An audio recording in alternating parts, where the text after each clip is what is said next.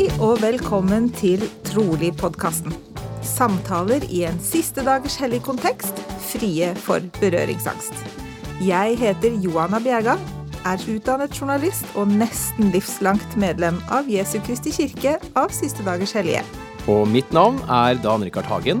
Jeg er til daglig voiceover, og som Johanna har jeg også tilhørt Jesu Kristi kirke av Siste dagers hellige nesten hele livet. I denne podkasten snakker vi med både trosfeller og noen som ikke lenger tror. Og innimellom så kommer vi også til å ta inn personer som ikke nødvendigvis har noen spesiell tro, men som likevel har perspektiver rundt tro og tilhørighet som vi sikkert kan lære noe av. Vi gjør oppmerksom på at denne podkasten ikke er i regi av Jesu Kristi kirke av Siste dagers hellige, og at det som blir sagt, er våre personlige meninger og oppfatninger.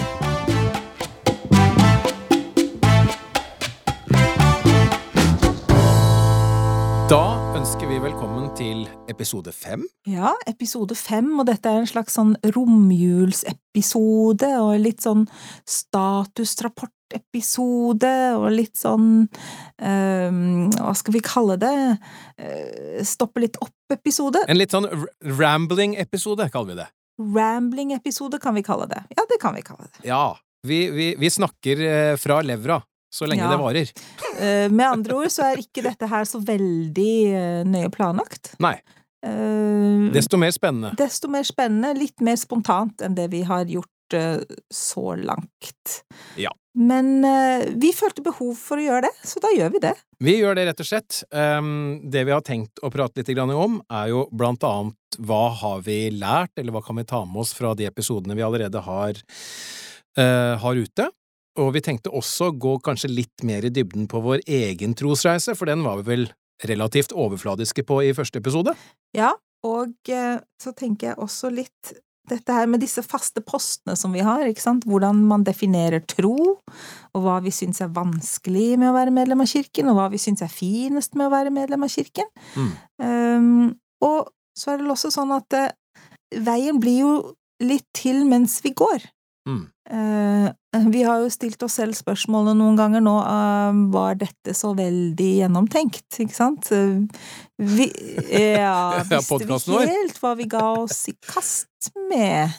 Vi kan vel Eh, si at svaret på det er nei? Ja, det kan vi nok si. Men det betyr jo ikke at vi har tenkt å gi oss. På ingen måte.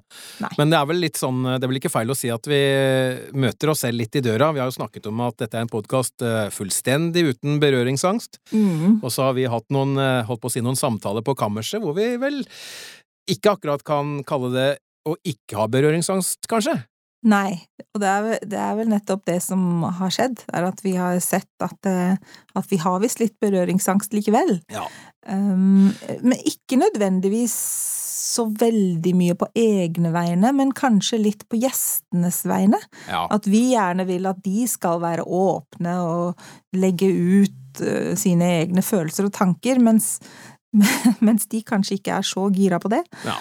Og så ser vi at eh, hvis, hvis vi skulle gjort det, hvor personlige og hvor private kan vi være, vil vi være, tør vi være? ja. Og ikke minst Eh. uten at det da drar med seg eh, Både du og jeg er jo forelder, og er jo, dette er jo noe som selvfølgelig opptar oss i vår hverdag. Eh, ikke minst hvordan de går Altså, ikke sant, med barna og alt sånn. Man vil jo ikke utlevere andre heller. Nei, ikke sant, Eh, en del, av, en del av vår historie er jo på en måte ikke bare vår historie, den, den er jo andres historie også. Ja, Og ja. i hvor stor grad skal man eh, utlevere, om man vil bruke det uttrykket, Ja. eh, sine nære og kjære. Så det er, det, vi kjenner jo litt på det, da. Vi gjør det. Det er, en, det er en evig balansegang mellom å være åpne og ærlige og, og modige, for så vidt, og Mm. samtidig beskytte andres integritet, kan vi si det sånn? Det kan man jo, øh, og da får jeg faktisk lyst til å stille deg et spørsmål med en gang, siden vi er inne på dette temaet her. Det vi snakker om nå, er det egentlig noe som beviser at øh, tro er litt privat, eller? Ja Ja og nei. Uh, jeg, jeg lurer på om det er litt norskt at tro er veldig privat. Ja, for jeg tenker på hvorfor, hvorfor sitter vi nå plutselig og snakker om at vi er redd, eller gåsehudene da, redd for utlevering? Utlevering av hva? Ja, øh, Og hvorfor er man det? Hvor, hvorfor er vi det? Og, og hvor, hvorfor tenker vi at, øh, at tro er en privatsak? Ja. Eh, I, altså, I det offentlige rom så merker jeg jo, eh, kanskje fordi jeg er opptatt av emnet, så syns jeg å merke at det er, det er rom for å snakke om tro, og det er rom for å snakke om personlig tro. Samtidig så er det vel en, en del av den norske folkesjelen, og, og at det er litt norskt at, at, eh, at det er helt privat, at det er helt personlig, og kanskje ikke så mye man, man deler rundt, rundt det. Uh, er, Ja. er jeg helt på viddene? Er det, er det en sånn kulturell greie? Jeg, Tror jeg ikke. innbiller meg ikke sant, at vi, vi tilhører altså et, et kirkesamfunn som, som ble gjenopprettet i USA. Mm. Uh, og i USA så er jo tro og religion mye mer fremme, på en måte, mer synlig i, i hverdagen og i, i, Ja. i, eh, samfunnet generelt, enn en det er i Norge. Og så lurer jeg, og vi har jo snakket litt om det, for eksempel når vi snakket med Ida, så snakket vi jo litt om det med, med litt sånn kulturkrasj, egentlig, ikke sant, mellom, mellom den norske folkesjelen og en slags sånn amerikansk eh, religiøs væremåte, da. Mm, Mhm. Um, så jeg tror, jeg tror det, det er noe der. Det er et eller annet sånn rent sånn kulturelt Mm. og nasjonalt betinget, rett og slett. Men jeg tror også det er noe mer. Ja. og kaster inn en ørliten brannfakkel, for jeg lurer på om ikke vi i kirken er litt redde kanskje for å trekke frem ting som kan minne om tvil, ting som kan minne om ting vi syns er vanskelig, fordi at det kanskje i gåseøynene avslører oss litt, eller at vi føler at det gjør det. Mm. Fordi at eh, Jeg vet ikke, jeg, jeg, jeg har en slags oppfatning av at ofte så Ja, hvorfor tviler man? Jo, det er fordi at du, du ber ikke, du. Du leser ikke nok, ikke sant? Mm. Man har blitt oppvokst med denne Hva skal man kalle det, den smørbrødlista der. Og så skjønner man jo etter hvert at det er jo ikke sånn, men er det likevel kanskje noe som sitter litt i vår kirkes kultur, da, at det er derfor det kanskje i altfor liten grad snakkes om tvil i kirken, eller er det, eller gjør vi egentlig det? Jeg tror det kommer litt an på sammenhengen, men ja, det er helt sikkert en del av eh, bildet. At sant, Vi sa jo allerede i første episode sant, nei, vi vil jo ikke at dette skal være noe vitnesbyrdsmøte, vi skal jo ikke sitte her og bare snakke fint og positivt og, og trosfremmende. Mm. Samtidig så har vi jo absolutt ikke lyst til at dette skal være et sted hvor vi liksom trekker tro ned i søla, eller hiver folk ut i, i tvil og, og, og mismot, ikke sant? Så, Og det er det jo en grunn til. Det er det jo en grunn til, og det er jo nettopp fordi at eh, Og dette skal vi komme tilbake til når vi skal snakke litt mer om vår egen trosreise, men det er jo fordi at det vi snakker om, vår tro, er jo, er jo noe som er der fordi det gir oss noe. Det er jo noe som er positivt. ja, for deg og meg, som er inn, inni det i anførselstegn, og som Mm. ikke har noen umiddelbare planer om å, om å forlate kirken, eh, så blir det jo igjen, da, ikke sant, en sånn veldig balansegang. Jeg, eh, da jeg begynte med dette prosjektet, så var jeg veldig opptatt av at, er at, at selv om jeg egentlig er helt imot å liksom sette oss i bås og holde på med sånn oss og dem-tankegang, så er det ikke til å komme vekk fra at tanken min nok har vært at vi som på en måte er inn, innafor, skal, skal ha større forståelse og respekt og for, for de som er utenfor. Mm. Um, og, og hvordan gjør man det? Hvordan, hvordan balanserer man mellom, mellom å være åpen og ærlig på egne vegne og på andres vegne, og å være lyttende nok? Ikke sant? Uten å sitte med fasiten, på en måte. Mm. Og klare å frigjøre seg fra en slags sånn ja, men vi, vi vet jo, altså vi vet jo hva som er riktig, og vi vet jo hva som er best. Ja. Hvordan, kan vi, hvordan kan vi være ydmyke nok, da, til å, til å anerkjenne eh, andre ståsteder og andre standpunkter på ordentlig? Ja. Ikke bare sånn overfladisk, ikke bare sånn Skjønner du hva jeg mener? Ja, jeg skjønner veldig godt hva du mener, og ikke minst dette med at, at vi ikke trenger å være redd for å utforske det, for jeg må innrømme at jeg selv kan ha vært det til tider, og at jeg har følt det kanskje som en trussel, da, hvis noen kommer med en helt annen oppfatning. Skjønner du hva jeg mener? Altså, det er ikke en trussel, det. Det trenger ikke være det, i hvert fall. Og, øh, og så tenker jeg også at, at når, når, noen stiller spørsmål, eller tviler, mm. eller reagerer negativt på, på noe, hva er, det, hva er, det, med denne her ryggmargsrefleksen vår, da, ikke sant, som gjør at vi blir, at vi blir defensive på kirkens og evangeliets vegne? Eh, er ikke, er ikke, Gud større enn som så? Er ikke evangeliet større enn som så? Altså, eh, hva tenker du på når du sier, eh, hva du tenker på når du sier defensiv, egentlig, i den sammenhengen? Nei, altså at vi, at vi går rett i, i forsvarsmodus med en gang. Liksom. At vi skal liksom med en gang begynne å, lete etter argumenter for at for at vi har rett og de tar feil, eller ja, Det er sant. Uh, det kjenner jeg meg veldig godt igjen i, faktisk. Hvordan, hvordan, kan unn, hvordan, kan vi unngå den? Mm. Ja, eh, nei, som sagt, altså, vi sitter ikke på noe fasit, vi, og det er jo, det er jo litt viktig at, eh, at denne podkasten At ingen skal høre på podkasten og tenke at ja, Johanna og Dan de har skjønt det, og de, de, og de, de sitter med svarene! Ja, at vi liksom sitter her og skal fortelle folk uh, og lytterne hvordan de skal tro på rett måte. Mm. For det er, jo ikke, det er jo virkelig ikke det det handler om. Nei. For mitt vedkommende så må jeg innrømme at det jeg syns uh, og håper uh, og, og, kan bli spennende med denne podkasten fremover, det er mer det å vise at vi, er, vi kommer i alle mulige fasetter og fasonger, egentlig og at det er greit. Mm. Det er faktisk ja. helt greit om å være et medlem av kirken og være uenig i noe. Ja. Um, det er rom for alle. Det er det. Og så tror jeg òg at det er et større spenn i eh, medlemsmassen enn det vi kanskje tror. Eh, sånn overfladisk, ja. Fordi, fordi, det vi ser Og nå ser vi jo ingenting, fordi Nei. nå møtes vi jo knapt i kirken, sant? Ja. Men, men at, eh, at vi kanskje har en, en, en liksom begrenset oppfatning av hvordan folk, mm. medlemmer av kirken, er, og hvordan de tenker, og hvordan de tror, og hvordan de lever livene sine. Ja.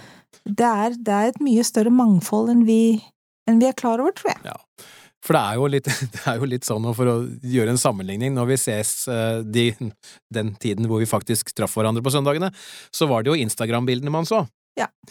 Da kommer man i søndagstøy og snakker ikke så mye om ting som er vanskelig, men uh, hvor fint alt er. Mm. Det blir litt Instagram. Ja. Og, og det, er, det, er, jo ikke bare feil, det. Neida. Jeg tror det er, jo, det, er jo, det er jo noen som kommer og som tenker at åh, nå, nå skal jeg slappe litt av, og nå skal jeg liksom eh, nyte fellesskapet og, og føle den gode ånden og, og, glede meg over ikke sant, nattverden og musikken og, og sånn. Og så eh, Sånn at det er jo ikke nødvendigvis feil, men eh, men, men, det er ikke komplett. Nei, det er bare et utdrag. Ja. Det, det, gir ikke et komplett Nei. bilde. Og så så er, selvfølgelig alt til sin tid. Det er jo ikke sikkert akkurat at når vi møtes i kirken, heller er stedet for å ja, ta alle mulige detaljer. I hvert fall ikke med alle. Nei. Og så det var jo det var vel det, da, ikke sant, som var som var utgangspunktet for podkasten, var jo liksom at vi trenger et forum. Vi trenger et sted hvor vi kan snakke om det som kanskje er, er litt vanskelig. Mm. Uh, men så var det også å få folk til å faktisk gjøre det, da. Ja. Vi er jo da nå, som sagt, med, i gang med episode nummer fem. Mm. Vi har hatt Ida eh, på Dorna Gjærum som gjest. Vi har hatt Vidar Topp som gjest, og vi har hatt Kia Martinsen, er det det? Mm -hmm. Som gjest. Mm. Hva sitter vi igjen med etter de episodene? Etter de episodene så, så har, vi, så har vi, Jeg tenker at for det første så har vi lært ganske mye om, om vår rolle som podkastverter. Ja. Altså at, at nummer én at vi er nødt til å planlegge litt, og nummer to at vi er nødt til å til å være litt mer frampå. Og nummer ja. tre at vi må um, ikke være så enige hele tiden. Nei. Det har faktisk jeg lagt merke til òg. Vi er veldig enige. Ja, veldig på samme Ja, side. ja. Uansett hva de sier, så ja, men det var Ja, interessant. å, ja, Det var ja, veldig det bra. var, det var mm, veldig fint. Veldig godt sagt. Ja.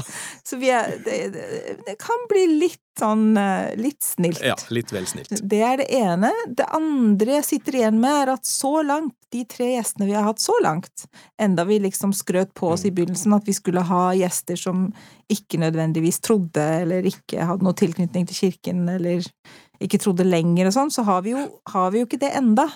Vi har ikke og, og når jeg sitter og skal sette sammen disse her sendelistene, eller disse gjestelistene våre, ikke sant, så ser jeg jo hvordan, hvordan jeg litt sånn instinktivt fremdeles er litt sånn ja Tør, tør jeg?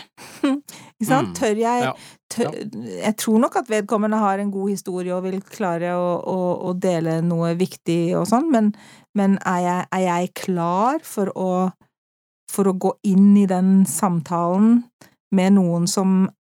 Er helt imot, Ja. og altså hvordan Ja, den balansegangen igjen, da, ikke sant? Ja. Vi har flere som, som ikke lenger er medlemmer, eller som ikke lenger regner seg som aktive i kirken, som har gitt uttrykk for at de kunne tenkt seg å være gjester. Så, så det kommer, men Ja. eh, så langt så har jeg vært litt pysete, rett og slett, i Ja. eh, Men det henger jo sammen med det vi akkurat har snakket litt om, det gjør det ikke det? Jo, Også det litt gjør sånn å tørre å la seg utfordre litt. Men en annen ting er jo det som jeg har tenkt litt på for min egen del, er liksom hvor greit er det å la ting stå ubesvart? For det er klart vi kan jo oppleve og at det kommer forskjellige typer påstander som vi kanskje ikke har noe fasitsvar på, og dermed blir litt vanskelig å hva skal man si, forholde seg til eller svare på. Så er det litt sånn kjedelig å la en sånn, kan du si, veldig negativ ting bare bli hengende, da. Ja. Vi har jo ikke noe lyst på det. Nei, vi har ikke lyst til det, men det er kanskje det vi trenger. Det er kanskje det vi må på en måte være forberedt på. At, det, Ja. at vi, har, vi har ikke noe fasitsvar nødvendigvis. Og at det, slik som Vidar sa, ikke sant, gode spørsmål krever litt stillhet. Ja. Sant? Klar, klarer vi å la være? Klarer vi å Mm. liksom stoppe oss selv og så si ja, nei. Mm. Mm. Absolutt. Men da, Johanne, har vi snakket eh, litt om hvor pysete vi er, eh, blant annet. Eh, men vi lovet at vi skulle snakke litt om vår trosreise, og det kan vel kanskje passe å gjøre nå? Ja, Det syns jeg vi skal, siden vi snakket litt sånn overfladisk om det i første episode.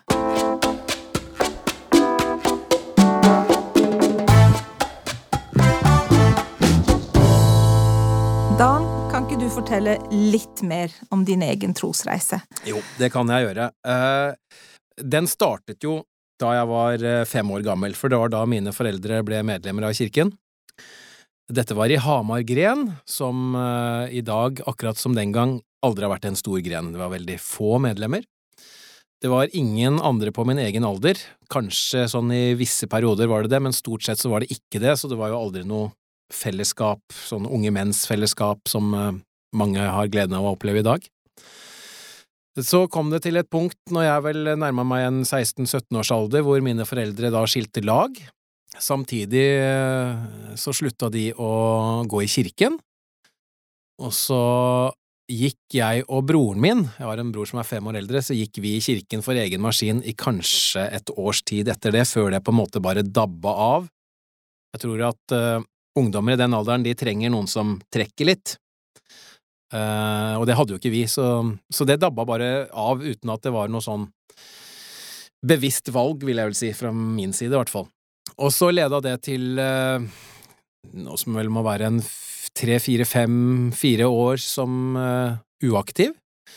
Før jeg da husker at jeg flytta for øvrig fra Hamar til Oslo, og etter at jeg hadde bodd i Oslo noen år, så måtte jeg faktisk tilbake til Hamar for eh, jeg skulle gjøre et sånt engasjement, da, i en radio på Hamar. Og da kom misjonærene og banket på huset til faren min, for det var der jeg da eh, bodde disse par ukene hvor jeg skulle være der. Og så Faren min eh, var ikke så veldig interessert, så, så de, det ble et kort besøk, men det var jeg som fulgte misjonærene ut til døra, og så husker jeg at jeg sa til misjonærene at det var rart at dere kom, for jeg har tenkt så mye på dere i det siste. Og jeg kan faktisk ikke den dag i dag skjønne hvor de ordene kom fra. Men det var det jeg sa, som selvfølgelig da resulterte i at uh, de så en sjanse til å uh, undervise meg, som de da gjorde, så jeg hadde vel en tre–fire diskusjoner, var vel det jeg rakk på de to–tre ukene jeg var på Hamar. Og så var det engasjementet ferdig, og jeg flytta tilbake igjen til Oslo, og hadde da ikke noe mer kontakt med kirken igjen. Før et par år senere, da kom et medlem av kirken med en misjonær og ringte på hos meg. Og jeg slapp dem inn, og jeg tror ikke jeg husker et eneste ord av det som ble sagt, eh, og jeg aner ikke hvor lenge de var der, men det var en ånd, da, i den lille leiligheten min i Oslo som var så sterk at det var et eller annet som eh, som skjedde, som gjorde at jeg skjønte at dette her vil jeg ha mer av. Og når jeg ser på det sånn i etterkant, så for å nesten si det litt klisjéfylt, så føltes det som om det kom en arm ned fra himmelen og løfta meg opp og sa du, Dan Richard, nå holder det. Hva mener Nå, nå har du prøvd det andre, nå du vet, hva som, du vet hva du skal gjøre. Så da starta jo det en prosess, da. Jeg husker jeg ringte eh, Jeg klarte på en eller annen måte å få tak i nummeret til biskopen i Oslo. Jeg, tror jeg husker ikke hvordan jeg fikk til det engang, og så ringte jeg han uh, og sa hei, jeg heter Dan Richard, og jeg trenger å prate med deg. Og han uh, har fortalt meg etterkant at når han la på det røret, så hadde han sagt til kona si at miraklenes tid er ennå ikke forbi. Men da starta i hvert fall min prosess, da. Og jeg trenger jo ikke akkurat gå i detaljer på den prosessen, men det var ingen lett prosess, det var det ikke, for jeg hadde levd flere år utenfor kirken med holdt på å si det som hører til, eh, gjerne. Jeg hadde til og med samboer en periode, og hadde en kjæreste også på den tiden hvor jeg var på vei tilbake, som ikke var veldig positiv.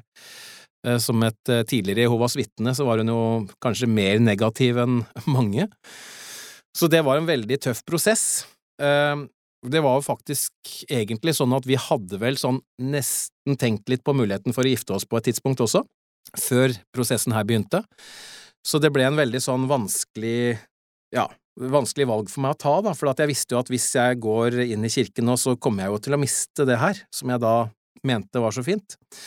Så jeg må få lov til å nevne én ting til, så skal jeg egentlig runde av, tror jeg, den prosessen, eller den uh, historien her, og det var at jeg da en uh, natt, inne på soverommet mitt, så ba jeg om å få vite hva jeg skulle gjøre, ikke minst da spesielt i forhold til hun da, som jeg var sammen med på det tidspunktet.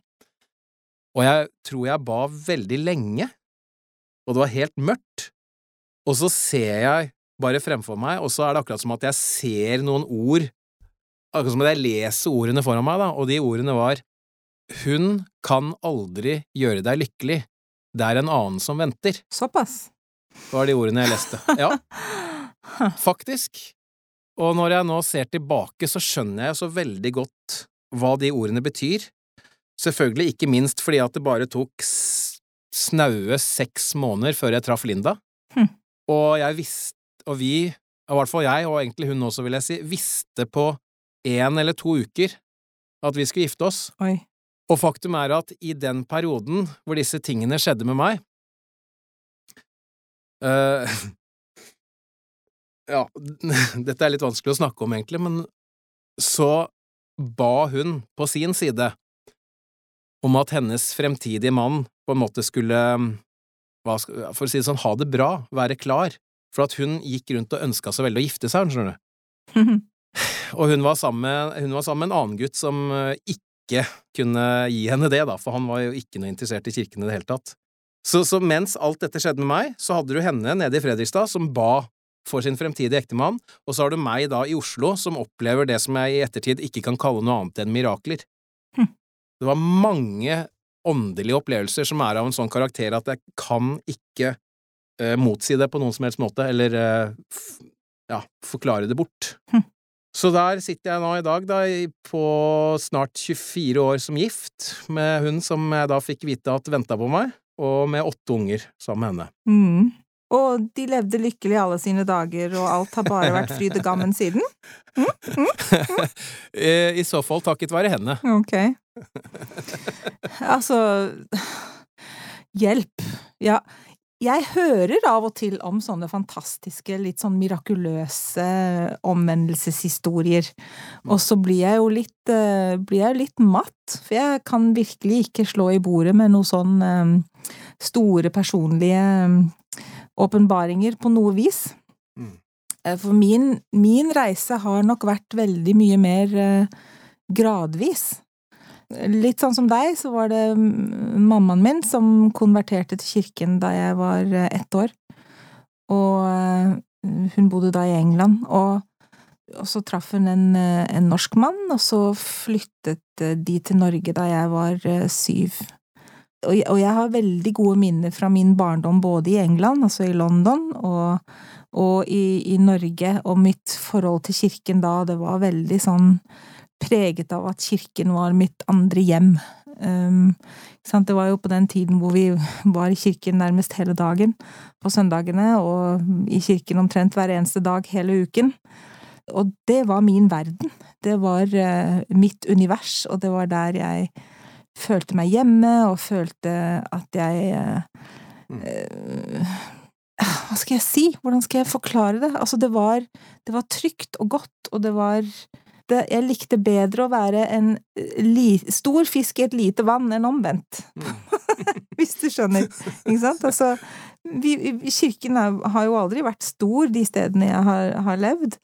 Og som tenåring, da familien vår bodde i Sveits, så var jo jeg den eneste aktive unge kvinnen i, i Gren. Mm.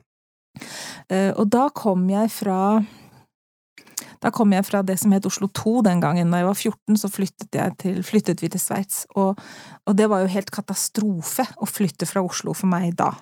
For da forlot jeg liksom en stor, eh, god vennegjeng i kirken, og, og, kom da til et nytt land, og ikke forsto jeg språket, og ikke var det noen på min alder i kirken, og i det hele tatt. Og likevel så ser jeg på de tre årene der i Sveits, i de, de, tenårene der, fra jeg var 15 til jeg var 18, så var det nok likevel der jeg på en måte utviklet mitt eget personlige vitnesbyrd. Jeg tror ikke jeg hadde noe vitnesbyrd før det, jeg tror at, eh, at da var det bare at jeg fulgte med, altså jeg bare var med, mamma og pappa, mens når det da ble litt vanskelig, ikke sant, når jeg var alene eh, i kirken, så måtte jeg på en måte bestemme meg, da, for om jeg ville dette her eller ikke.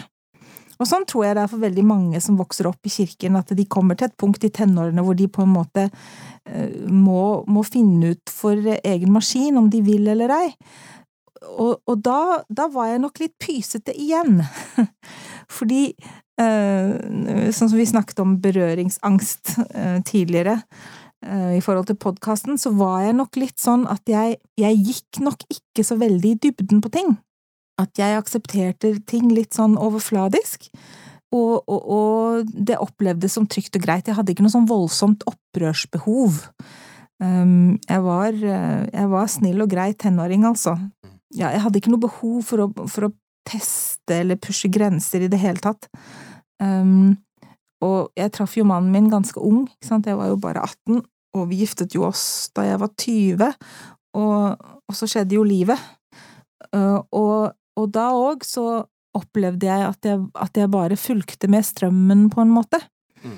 Og i midten av 20-årene så begynte jeg å, å, kjenne på en litt sånn uro over at jeg um, At jeg bare var aktiv fysisk og ikke mentalt jeg følte på en måte at jeg lå i en slags startgrop og aldri kom meg opp av den. Mm.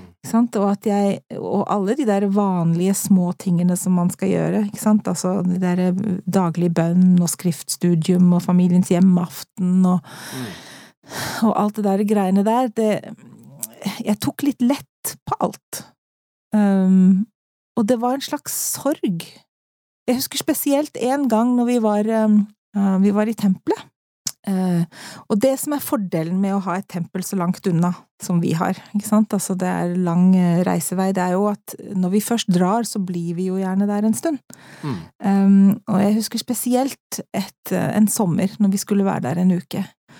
Så følte jeg liksom at jeg gikk nesten hele uken før jeg på en måte kom inn i ordentlig modus. Mm. Altså, det, var først liksom helt på slutten av uken så kjente jeg at jeg, nå nå kjenner jeg liksom den roen og freden og gleden over å være i tempelet, og nå klarer jeg å konsentrere meg om, om, om det som blir sagt, og om eh, Mm. og paktene jeg inngår, og nå begynner jeg liksom å, å kjenne det ordentlig. Og så husker jeg at jeg sa til Johannes i bilen på vei hjem at det, vet du, det der vil jeg aldri oppleve igjen. At, at jeg må bruke hele uken i tempelet før jeg på en måte føler at jeg er, er der jeg skal være åndelig sett. Og det startet en, en, eh, en prosess hvor, eh, hvor jeg gikk, gikk mer i dybden på ting, eh, og begynte å, å lese og studere mer med tanke på å, å forstå det som lå bak, og ikke bare akseptere ting, liksom. Så på mange måter så tenker jeg at jeg er egentlig en konvertitt, jeg også. Mm. Altså at det hele den der eh, tiden, altså barn og ungdom og fram til midten av 20-årene, så det, det teller nesten ikke. Jo da, det la et grunnlag, det gjorde jo det. Men, men at min egentlige omvendelsesprosess og min egentlige konvertering til evangeliet og mitt egentlige vitnesbyrd og min Mm. egentlige personlige overbevisning, den kom ikke før, før jeg var godt voksen. Men hva tenker du om, om det? det for, for folk som vokser opp i kirken, og som gjerne har en periode hvor de er vekke, og så kommer de tilbake. Eh, for jeg lurer på om man kanskje, når man da At, at, at man da har opplevd kontrasten i større grad, og, og, og, og, tviholder på en måte mer på, på det nye man, man opp, opplever. Mens, mens folk som på en måte bare har vært litt sånn på det jevne, sånn som jeg var, så har jeg kanskje ikke opplevd den derre store, store kontrasten, hvis du skjønner hva jeg Mm. mener.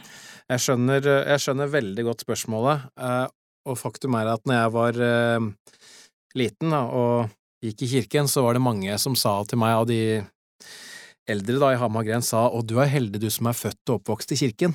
Og da husker jeg at jeg ble så sur, for jeg tenkte nei, det må da være mye bedre å egentlig akkurat det som du snakker om nå, å være en som finner dette her ut selv, ikke sant, kanskje i voksen alder og liksom det var det jeg husker at jeg, jeg gikk rundt og tenkte, og nå i ettertid så har jeg forstått at du skal være forsiktig med hva du tenker eller ønsker, for det får du gjerne. Mhm. Så det jeg fikk jo det. Mm. Men eh, for å svare på spørsmålet ditt, så, så tror jeg at svaret på det spørsmålet er ja og nei. Ja, jeg tror at Eller, jeg vet ikke om jeg hadde hatt samme type, hva skal man kalle det, konvertering. Altså, konvertering er vel egentlig en omvendelse. Mm. Så når du sa det du sa i stad om at du føler deg som en konvertitt, så slo det meg at er vi ikke egentlig alle konvertitter for et eller annet sted på veien, så må vi ta den avgjørelsen, og det er vel egentlig da vi konverterer, det er da vi omvender oss. Mm. Så jeg vet ikke om jeg hadde hatt samme opplevelse i forhold til det ved å bare være med hele veien, men på en annen side sett så har jeg liksom veldig vanskelig for å se hva var det de årene som uaktiv gav meg, som virkelig liksom som jeg kan se tilbake på og tenke at ja, det lærte jeg virkelig noe av. Jeg tror nesten, for å være helt ærlig, og det er ikke til forkleinelse for verken noen som var en del av den tiden eller noe som helst, at jeg kunne klart meg veldig fint uten. Jeg skulle kanskje egentlig ønske at jeg heller var en som var med hele tiden, og heller sluppet å ha med ja, minner og ting, Mm. ikke sant, som uh, egentlig ikke skulle vært der. Ja. Jeg har jo hatt mine greier som voksen, eh, som jeg òg tenker litt tilbake at jeg kunne godt vært foruten. Ja. Samtidig så er jeg blitt eh, så er jeg blitt litt sånn opptatt av at jeg har et mantra Everything is an experience and my worth is set.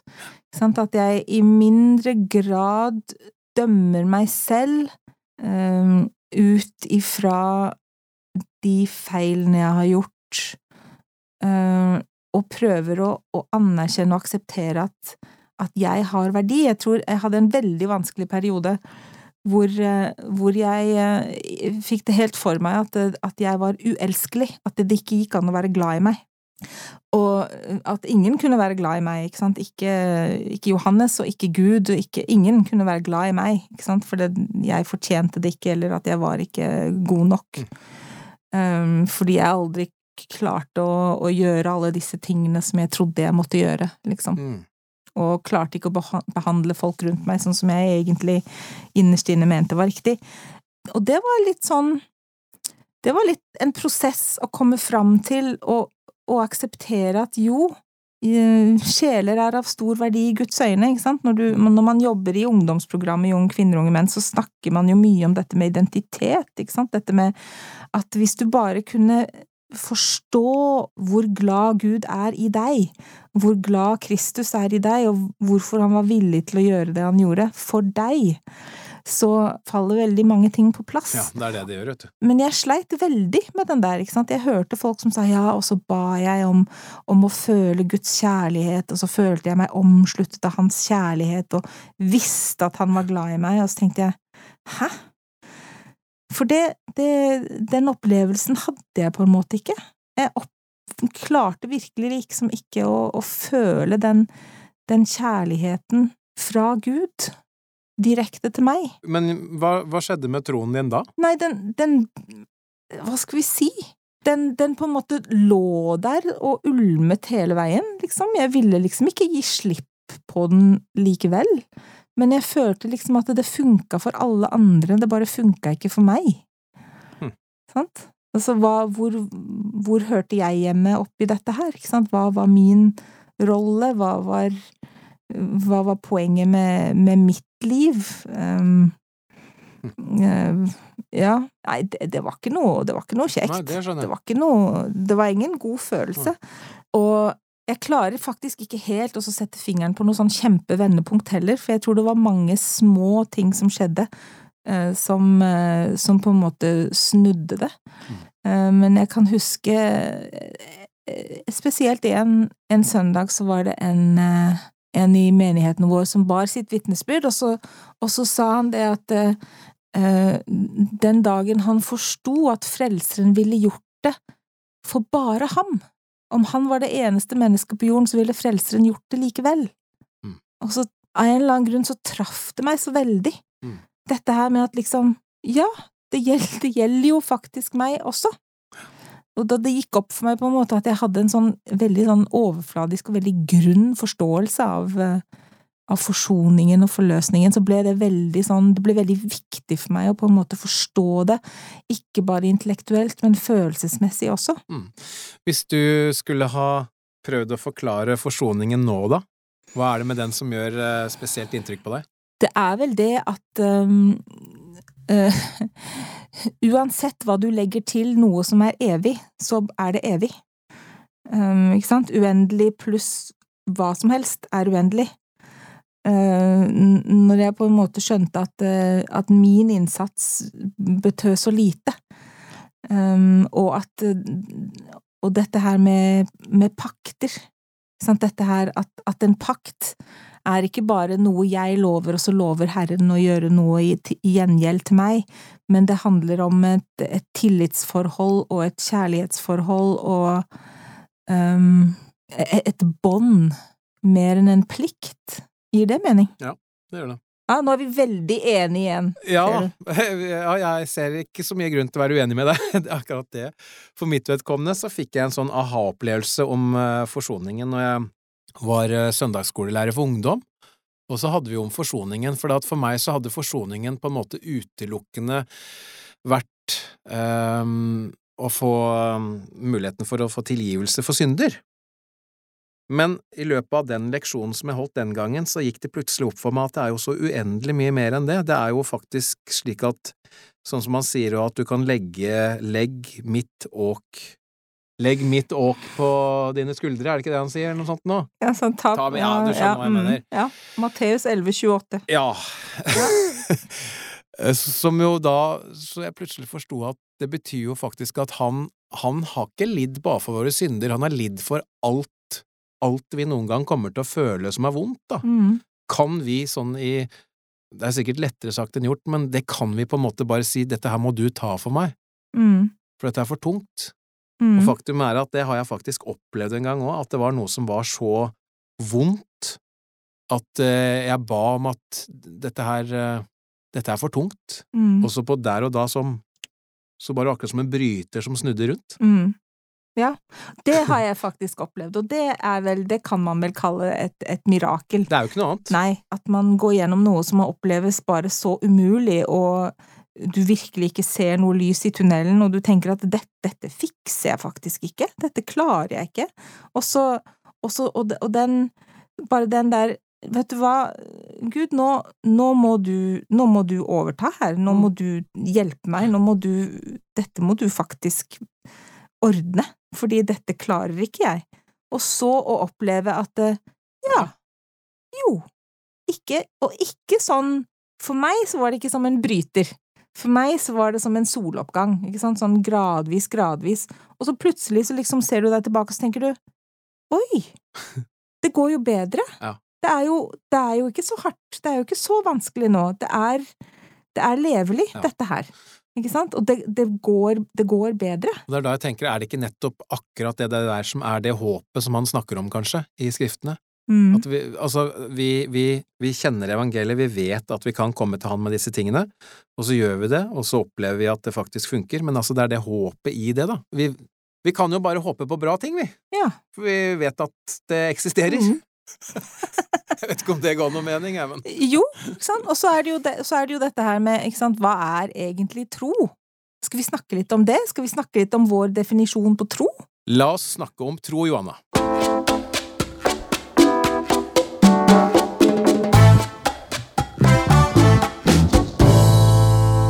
For det det er jo liksom en sånn fast post på programmet, det spør vi jo gjestene våre om, ikke sant? Hvordan vil du definere tro? Hva betyr tro for deg? Hva betyr tro for deg, Dan? Ja.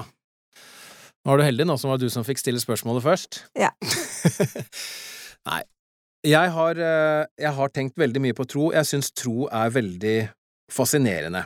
Og jeg var så vidt inne på det i forrige program med Kia også, at jeg føler at min oppfatning av tro driver og forandrer seg litt. Eh, I hvert fall i forhold til akkurat eh, evangeliet. Fordi at, som jeg sa sist, og som jeg har lyst til å si igjen, så er det jo sånn at tro er en kraft. Ok? Sant? Troen er det som ligger til grunn for at du utfører noe som helst. Det, det, er, vi, det er vi enige om. Det er på en måte en sånn, skal vi kalle det en sånn sekulær tilnærming til begrepet tro. Mhm. Og så tenker jeg som så at det vi lærer i kirken, vi kan Vi kan ta bort Gud fra den ligningen og si at ved å følge budene, ved å holde visdomsordet, så vil vi få det bra. For eksempel? Ja. Ikke fordi Gud velsigner oss, det er ikke noe magisk rundt dette her i det hele tatt, men det er fordi at det er, det er ting som er bra. Det er ting som beskytter oss. Skjønner du hva jeg mener? Mm. Men så, har jeg, så er troen min større enn det. Troen min innebærer også at jeg tror at Gud er der, og er med i ligningen. Mhm. Jeg tror at Gud ønsker at vi skal ha det bra, som Derfor har han gitt oss eh, alle disse budene og befalingene. Og så tror jeg at i tillegg til de, hva skal jeg kalle det, de konsekvensene som følger av å gjøre ting på den måten, i tillegg til det, så vil han også velsigne oss. Ok.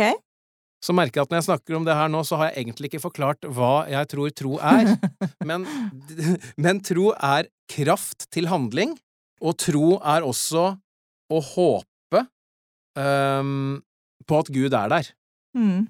Ja, jeg har vel egentlig vært innom det òg, liksom at, at tro kan ikke skilles fra trofasthet, og at det handler om å være, det handler om å, å bli.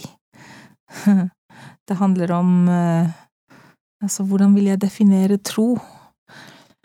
For meg så er tro noe jeg ønsker meg, som jeg opplever som litt uangripelig. Eh, Som noe som jeg på en måte strekker meg etter, som, som jeg ikke helt alltid klarer å få tak i. Um, så det er, en, det er en slags blanding for meg av tillit og håp og eh, et ankerfeste, en slags trygghet. Eh, noe som på en måte gir meg, gir meg et sted å hvile. Ikke sant? En slags um, Trygg, trygg havn, går det an å si det? Ja, det går an å si det, men hva mener du med det? Når, når er det troen er, et, er en trygg havn da? Det er jo nettopp i de øyeblikkene som vi snakket om litt tidligere, hvor, uh, hvor det butter, altså hvor ting er vanskelig. Ikke sant? Hvor ting oppleves som meningsløst. Ja. Hva, er det som, hva er det med troen som gjør at, uh, at du likevel da føler deg trygg?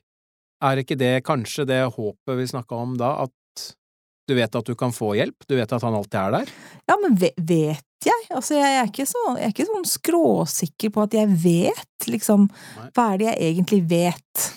Ikke sant? Hva vet jeg? Ikke sant? Jeg vet at jeg har på meg raggsokker, og jeg vet at uh, at jeg trenger briller når jeg skal lese, og jeg, jeg vet at jeg er altfor glad i sjokolade. Men eh, vet jeg at Gud er der? Men det er mer enn bare et håp. Det er mer enn bare et håp om at han er der. Det er Mm. det er en slags Ja, det er en slags Ja, en slags sånn trygg hvile Trygg Trygg havn. Jeg har også tenkt tidligere på tro er en sånn hvis, du, hvis jeg hadde hatt en tavle her, så ville jeg tegna sånne piler som går i en runding.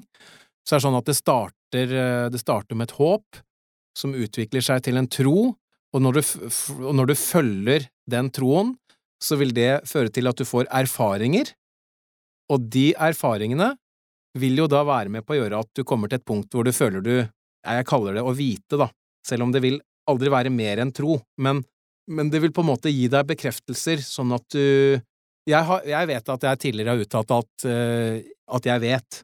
Det er ikke det at jeg føler at jeg vet noe mindre nå enn jeg gjorde da jeg sa det, men jeg, vet, jeg føler at jeg skal være mer forsiktig med å bruke det uttrykket.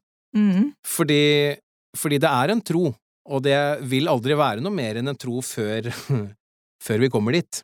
Mm. Og jeg tror det er sånn er det meningen at det skal være òg. Nå har vi jo nettopp lest eh, Moroni, og det er vel mormon faktisk som snakker om, om tro, håp og kjærlighet. Mm. Eh, men i Mormons bok så, så beskrives jo troen som noe som både kommer før og etter håp, eller omvendt. Altså at håpet kommer før troen, men håpet i, i, forso, Ja. i forsoningen, på en måte, kommer også etter troen. Ikke sant? Altså, det blir på en måte to slags typer håp. Men ikke sant, det tredje elementet der, ikke sant, den derre Kristi rene kjærlighet, som på en måte er den derre altomfattende, altoppslukende, alt Alt, alt, ikke sant? Mm. At det er det, det er det det på en måte må lede til. Ikke sant? Altså at eh, troen og håpet må på en måte lede oss til Kristi rene kjærlighet. At vi skal være fylt av den, ikke sant? Og at eh, menneskene rundt oss får oppleve Kristi rene kjærlighet gjennom oss. Ikke sant? At vi er hans tenner. Og òg at på grunn av hans rene kjærlighet så har vi et håp i Kristus, ikke sant, om at, eh, Mm. at alt vil være til vårt gode, og at alle erfaringer vil, vil virke sammen for godt, og at um, at vi kan ha fred både nå, ikke sant, fred i sjelen nå, og at vi kan ha fred og ha det bra Mm. senere. Og det vil jeg jo virkelig si at jeg har opplevd òg, i forskjellige situasjoner, at eh, jeg har følt fred til tross for at uh, omstendighetene på ingen måte tilsa det. Mm. Så det er jo reelt. Vi opplever det i hvert fall som reelt. Ja. Det er nok de som vil si at det her er jo bare eventyr, men vi opplever det som reelt. Ja. Skal vi ta for oss disse her eh, andre faste postene våre? Ja, da er det vel jeg som får lov til å spørre først denne gangen, da. Ja, det er det. Ok, Johanna, hva er vanskeligst med kirken? For meg så er det vanskeligste med kirken, det må være for, forventninger til meg selv. Ikke som kirken eh, legger på meg, eller som, eh, som evangeliet eller læresetningen eller noe som helst, som er det van som liksom pålegger meg, men eh, en del forventninger som jeg legger på meg selv, eh, og som er unødvendige. Eh, Det tror jeg må være det vanskeligste. At eh, for eksempel eh, at alle barna mine skal skikke seg vel og være aktive i kirken og gifte seg i tempelet og dra på misjon og sånn. Det er ting som er utenfor min kontroll, Ja. sant? Og jeg bruker ganske Jeg vil ikke si jeg bruker mye tid på det, men jeg har, jeg har i hvert fall i perioder vært litt sånn at eh, nei, Johanna, jeg tar jo ikke æren for alt det positive de gjør, så hvorfor i all verden skal jeg da ta skylden for dårlige valg de gjør? Ja. All, vi er alle vi, vi har alle vår, um, vår egen reise. Vi har alle vår egen prosess. Mm. Og, og, og frigjøre meg fra på en måte være en så integrert del av mine barns prosess, da, ikke sant? Mm. Og, og klare å, å, og, se på dem som helt selvstendige individer og respektere og anerkjenne deres reise, uten å, å gå inn i og tenke å, jeg har feilet, ikke sant, hvis, Ja, ja. hvis de ikke fyller A4-mønstre. Det tror jeg er det vanskeligste. Ja, den kjenner jeg meg godt igjen i, som forelder. Mm. Hellige jul. Vi har hatt noen, eh, hatt noen eh, skal man kalle det, feider opp gjennom tiden hvor man liksom må bare slå seg til ro med at ja, ja, barna har faktisk eh, sin egen handlefrihet og, og som du sier, sin egen vei å gå, og det er egentlig en veldig fin måte å si det på, fordi at, eh, fordi at vi vet jo ikke, vi, hvor den veien går hen. Vi ser bare her og nå. Mm. Og den veien, den er faktisk ikke engang ferdig om 70 eller 80 år, når de kanskje går i grava. Mm. Veien fortsetter faktisk derfra òg. Så det kanskje det som er vanskelig, er å klare å bevare et litt sånn evighetsperspektiv på ting. Hva vil du si er det vanskeligste? Ja, det det var jo litt eh, kjipt at jeg spurte deg først, for det var egentlig det samme jeg hadde tenkt å si òg, at jeg eh, har, har nok kjent på en del sånn dårlig samvittighet eh, over ting som jeg vet jeg burde gjort bedre. Og det har eh, til tider vært såpass eh, sterkt at det har vært nesten litt sånn lammende i forhold til å faktisk gjøre det. For å si det sånn, da, for å bli litt personlig rundt det, så året 2020 har på mange måter vært et uh, utfordrende år for, uh, for vår familie, på forskjellige måter, som har ført til at jeg rett og slett har følt veldig på at nå har jeg nok med det. Og da har liksom oppgaver uh, som kommer som medlem av kirken, rett og slett blitt en belastning. Og så får man dårlig samvittighet fordi man føler det. Og da, da, da får du det bare enda dårligere, Hmm. ikke sant? Ja, kommer vi inn på dette her med kall og oppgaver i kirken nå? Eh, ja, det gjør vi. Som en del av det vanskeligste? Ja, det er jo det, det er både noe av det fineste, og kan også være noe av det vanskeligste. Ja. Men det er jo kanskje litt avhengig av situasjonen du er i. Men, eh, men jeg vet at jeg i år har følt at um, nå er ikke tiden for meg til å bruke altfor mye av min veldig lille energi som er igjen, da, på annet enn um, det jeg føler at jeg må, hva skal jeg si, konsentrere meg om og fokusere på familiært. Og så har jeg likevel hanket deg inn til podkast. Det fine med det er jo at etter at jeg sa ja til det, så har jo pila bare pekt oppover. Ja, og ting har løsna litt på andre fronter. Ja, men det er jo fint. Ja da. Ja. Så, så, så det, er, det er det med forventninger til seg selv, um, samt at man har jo lovet å bidra Vi har jo lovet å bidra egentlig med alt, ja, det er det. men kanskje ikke alltid. Nei, det er sant. Det er noe med det. Hva med det fineste, da? Det fineste Dette blir jo selvfølgelig helt subjektivt, men det fineste er at jeg føler Jeg føler glede av evangeliet. Rett og slett. Jeg kan til tider føle meg så glad på grunn av evangeliet at jeg bare liksom ah, flyr. Og det er ikke mer enn et par dager siden hvor vi hadde misjonærene på besøk. Vi har jo hjemmeseminar med Det vil si, kona har hjemmeseminar med tre av barna våre. Mhm. Så inviterte hun misjonærene til å holde leksjon her for um, en ukes tid siden, og da tok jeg meg tid til å bli med, da. Og det var så fint! Det var sånn at eh, jeg, eh, ene, ene jenta vår sa da, vet du hva, jeg følte noe jeg ikke har følt på veldig lenge, sa hun etter den, eh, og det var liksom, det var bare et mirakel, for det var akkurat det vi var ute etter, da, og håpte på. Mhm. Men ikke bare det, men jeg og kona var sånn bare altså, Den følelsen her! Det er sånn at jeg bare har lyst til å liksom løpe ut til naboen og bare hei, kom og bli med til kirken, da! Så den, det at man kan få ha den gleden, da, over bare av å tro på at dette er sant, det syns jeg er fantastisk. Ja. Så var det din tur. Ja, hva er det fineste?